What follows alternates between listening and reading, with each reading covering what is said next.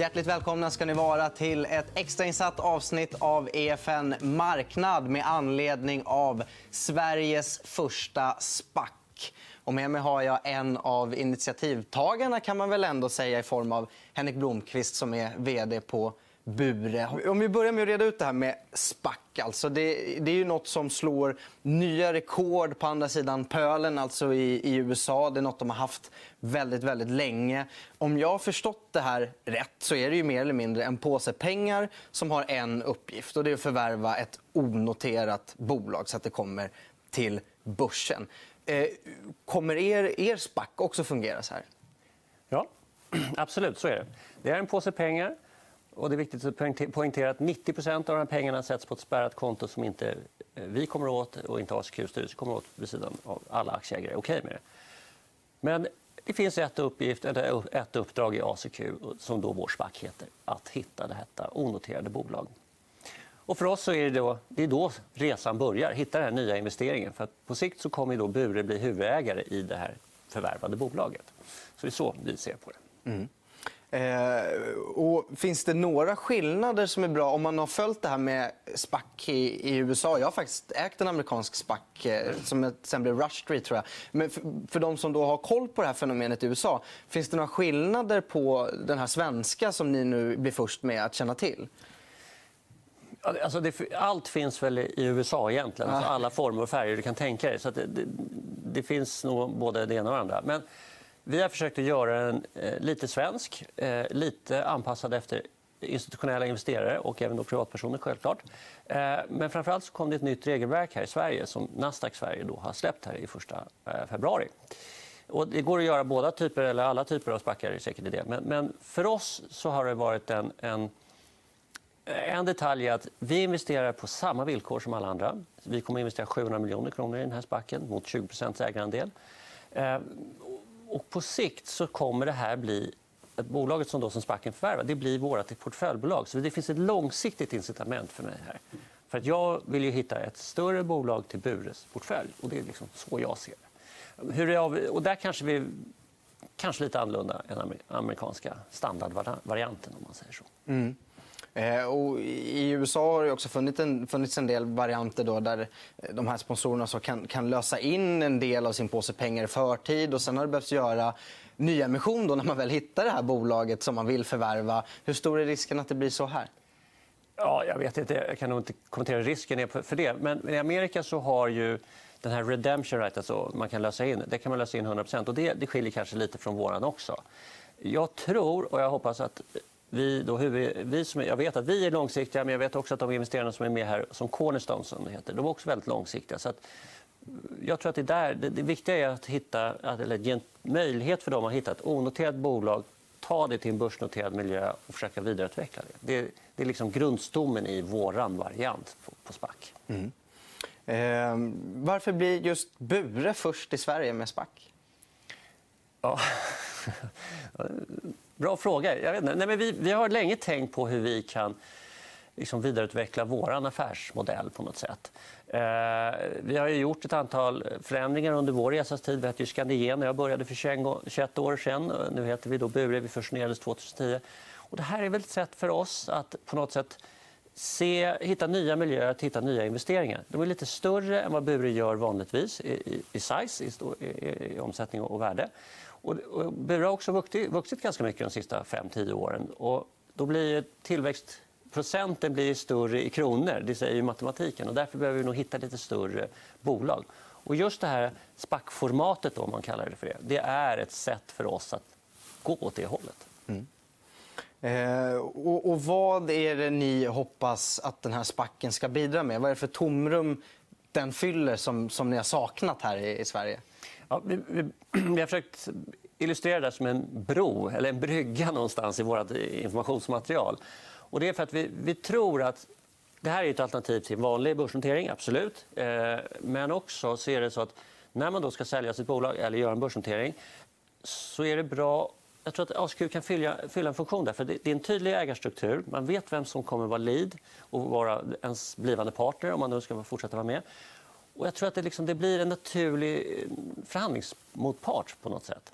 Och, och vi tycker att det är vansinnigt kul att utveckla bolag. Så ta det här onoterade, föra in det i noterad miljö och fortsätta vidareutveckla det. För jag tycker att den noterade miljön är bra att utveckla bolag i. Vi har ju sju portföljbolag idag som, som är noterade också. Och det här bolaget som ni då hoppas att ni hittar eh, det kommer ju bli en del av er långsiktiga portfölj, är tanken. Och det är ju såklart en uppsida för er. Men finns det några fler uppsidor i, er, i det här engagemanget? Finns det några pengar för Bure att tjäna på det här? Ja, det är så att vid sidan om eh, att vi investerar 700 miljoner mer som är medinvesterare så finns det en så kallad sponsoroption.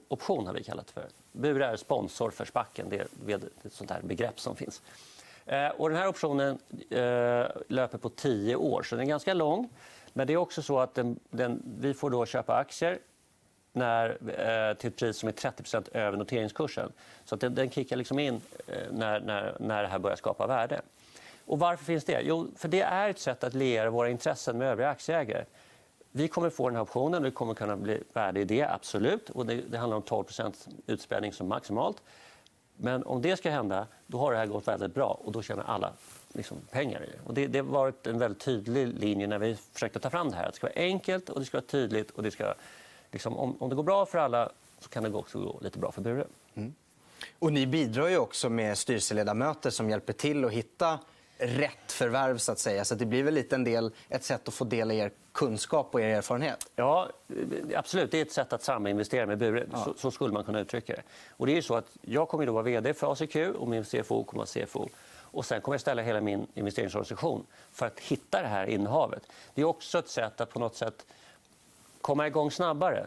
Och, och det är lite svårt. Om det här är en temporär eh, Eh, ledning och en viss del också temporär styrelse. man säger så. För att när det riktiga målbolaget eller när vi hittar det bolag vi ska köpa då kommer, ju, då kommer den industriella kunskapen måste in i styrelsen bland annat, och den nya ledningen från det bolaget kommer att ta över. Så att då, då åker jag och mitt gäng ut, så att säga. Man säger så. Och det, och det här är ett sätt att att hitta någonting utifrån då, som ska vara vd, hur ska det uppdraget se ut? För Det, det är bara temporärt. Liksom. Det kommer ju ta slut. Men, men för mig så, så, är det början. För Det är då det här bolaget kommer bli mitt portföljbolag och jag kommer att äga ansvaret runt omkring det. Så att, Därav så tycker vi att vi har hittat en, en, en linje att, eh, för, att på något sätt göra det här lite trovärdigt. Dessutom så håller vi faktiskt ner kostnaden lite också. Och det, det är viktigt för oss. Och om allt går som det ska, så den 25 ska det här börja handlas. Den här spacken börjar handlas på Stockholmsbörsen. Den 25 smäller det. Den 25 smäller det. och hur ser tidsplanen ut efter det, då, när den här påsen med pengar ligger där? Ja, påsen då, eh, återigen, den är spärrad, så vi kommer inte åt 90% av pengarna. Sen har vi 36 månader på att hitta det här förvärvet. Och jag får ju ofta frågan okay, vet ni vad det är. Och nej, vi vet inte vad det är. Vi får inte veta vad det är. Vi har ingen förhandlingar igång på det sättet. Utan det här är ett, ett, ett långsiktigt projekt. Om det tar 36 månader eller inte vet jag inte. Men, men man ska nog inte förvänta sig att det händer någonting inom 12 månader, bara för att vara tydlig på den punkten. Är du rädd att folk har lite för höga förhoppningar där? Nej, jag vet inte. Vi försöker vara tydliga i vår kommunikation. Ja. Sen får folk liksom tycka, tycka lite vad de vill. Ja. Men 36 månader kände vi väl som en anpassad tid. så att säga. Och hittar vi ingenting, vilket är den stora risken för mig, eh, det, det blir väl lite så pinsamt och så, men för, då går ju faktiskt alla pengar tillbaka till investerarna. Då som finns kvar. Mm. Så att, eh, men det är inte vår ambition. Vi ska ju då hitta ett bolag och det är liksom vårt intresse. Här. Och du var ju väldigt tydlig nu att det, sker det finns inga förhandlingar nu. Eh, men samtidigt, eh, jag kan ju tänka mig ändå, i och med att det är ju ett stort intresse att komma in på börsen nu när börsen är stark, när man ofta tycker att man får bra betalt. Och sen så är det ju spännande med nya saker och att vara först. Mm. Tror du att det ändå kommer finnas ett väldigt stort intresse att vara det bolaget som blir förvärvat av er? Och, och kan du se framför dig en full mejlkorg och mycket telefonsamtal? Det är klart att jag hoppas det. Ja. Eh, nej, men jag tycker att den här rollen är rätt intressant som ACQ kommer att spela. För det, det blir en väldigt tydlig motpart när man ska förhandla såna här saker. I, i en vanlig IPO så, så är börsklimatet ganska viktigt. Och det finns ett osäkerhetselement i det. Och här försöker vi då på något sätt... Här kan vi i någon typ av bilateral diskussion då för en förhandling. Och ACQs ägare är tydliga vilka de är, vilka som kommer att vara styrelse och ledare och vilka som kommer att vara huvudägare. Och det där tror jag, jag tror det kan finnas intresse där för, för de som, som vill sälja sina bolag eller på något sätt. Så. Mm. Men vi ser ju då börsen som en entry, har vi sagt, inte som en exit. Och det är viktigt att poängtera. Men kan inte det bli lite också en konflikt? Då? Att de som vill sälja till er de ser det som en exit och de vill ju få så bra betalt som möjligt eh, samtidigt som ni ser det som en entry. Och ni vill inte komma in på, på kursnivåer som är helt orimliga så att det tar hur många år som helst att ta ikapp det där. Blir inte det lite en konflikt? Det är väl alltid en konflikt ja. säga, någonstans när man köper och säljer. Den som säljer vill ha bra betalt, den som köper vill köpa lågt. Så den, den är nog alltid där. Men vi ser på, på väldigt lång sikt här. Och jag tror att de bolagen vi kommer titta på det som attraherar oss och det vi håller på med med Bure och jag och Patrik har hållit på med i 21 år, det är utvecklingspotentialen. Vi älskar att bygga bolag tillsammans med andra aktieägare och med ledning och anställda. Liksom. Hitta nya, nya tillväxtresan om man säger så. Hur gärna vill du att de som säljer till er på ett eller annat sätt är kvar i bolaget och kvar på resan? Är det viktigt? Det beror lite på. Eh, vi har väl egentligen utgångspunkten att vi ska köpa ett 100 helägt onoterat bolag. Men det kan ju finnas ägarfamiljer eller entreprenörer eller något sånt som vill vara med. Och då tror jag att det här kommer fungera precis som i vilken annan miljö som helst. Det är styrelsen i ACQ som har alla verktyg för att kunna göra det. Men, men det är klart att det, om folk vill vara med, ju more the merrier. Är det inte så? eh, okay, men när ni, när ni väl har hittat det här bolaget ni vill förvärva eller som ni tycker är ett bra förvärv, eh, vad händer då? Jo, då finns det en tydlig process. Då är då, jag är då vd för ACQ också och, och jag kommer då föreslå det här för styrelsen i ACQ. Och det är viktigt att poängtera att styrelsen i ACQ är fem personer idag. Två stycken från Bures styrelse, det är Patrik och det är Sarah McPhee. Och sen så har vi tre stycken oberoende. Och de här oberoende är, är väldigt bra. för Det är en form av gatekeepers, absolut. Men det är också eh, en viktig signal på att det här kommer skötas på helt korrekt sätt. Så när den styrelsen har fått förslag och tycker att det här verkar bra och intressant, då kallar de till stämma. Och då får då aktieägarna avgöra huruvida de tycker att förvärvet ser bra ut eller inte.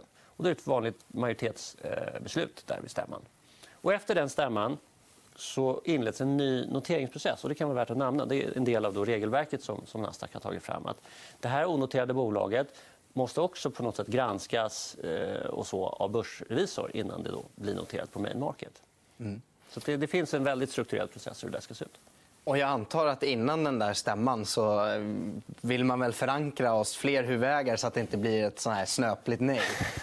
ja, jag tror i praktiken så kommer man att vid någon tidpunkt så kallat wallcrossa, så fint som det heter på det här lingot. Att man då pratar med de övriga aktieägarna, de större aktieägarna, cornerstonesen och frågar huruvida de tycker det här är spännande.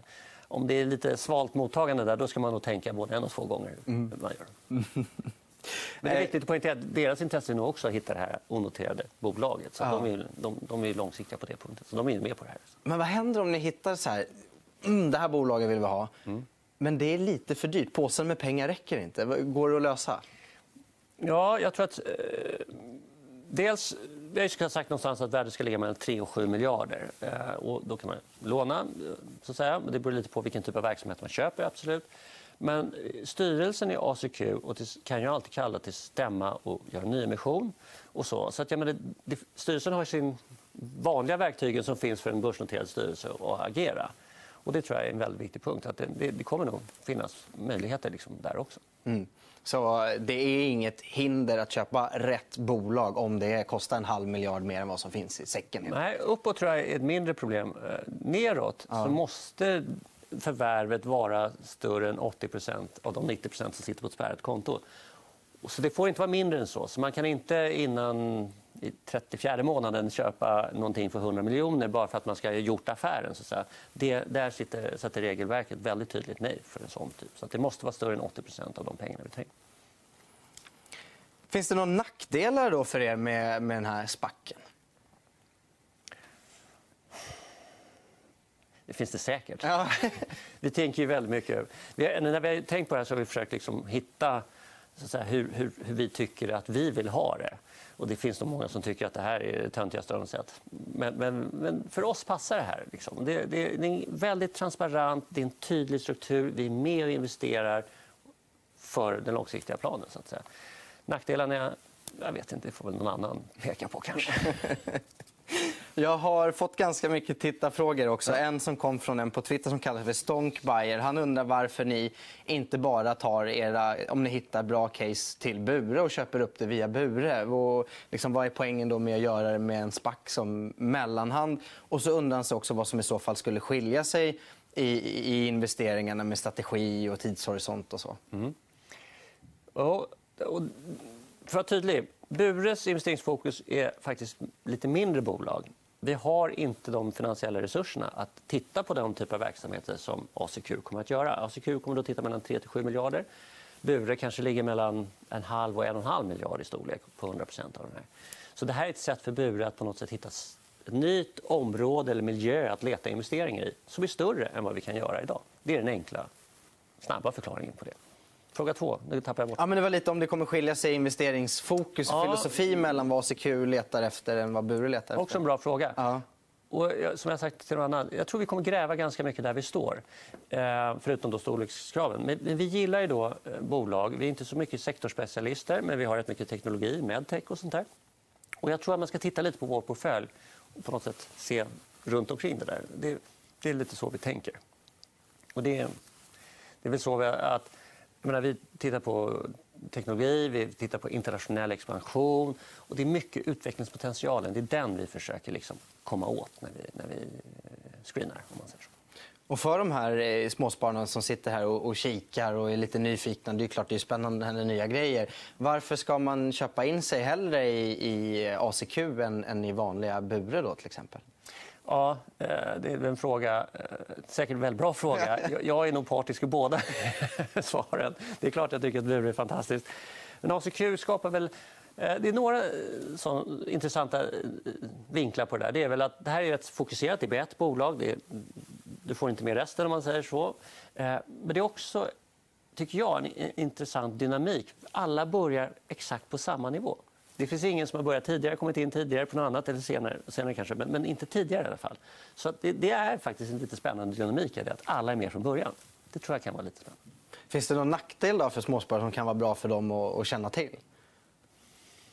Nej, inte... Ah, nej, jag, jag ser inte så. Jag menar, de får vara med, de får rösta, de får tycka. Det finns ju också ett minoritetsskydd, som vi har kallat det. det är att de, eh, om de inte tycker att det här för, förvärvet ser bra ut så kan man rösta nej. Och då kan man faktiskt lösa in sina aktier upp till 10% av totalt kapital.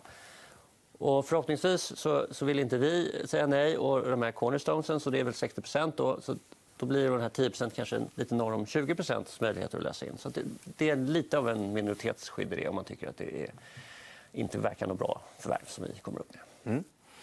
Eh, sen har jag fått hur mycket frågor som helst om man som aktieägare i Bure får, får någon slags företräde till att vara med på emissionen här i ACQ. Nej, det är inte så. Nej. Det finns ingen koppling däremellan.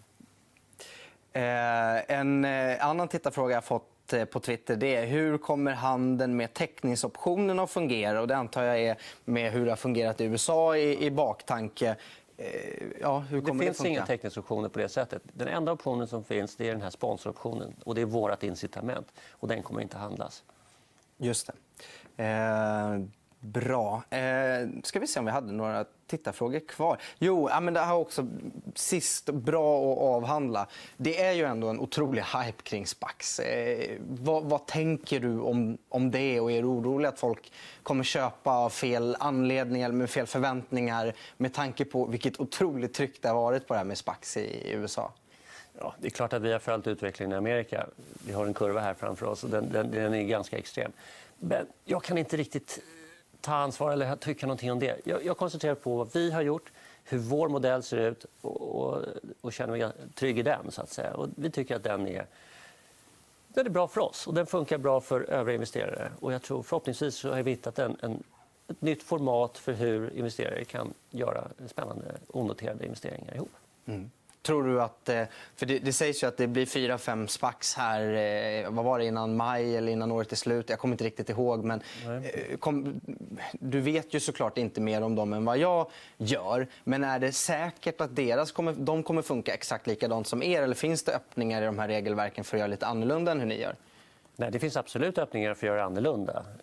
Det, det tror jag absolut. Och vad var det han sa, Adrian Kostial på börsen? Det var fyra stycken innan midsommar. Eller? Fyra stycken innan midsommar. Så. Något sånt där. Ja, ja. Jag vet inget mer än det. Nej. Men det kommer absolut säkert komma ny, ytterligare här.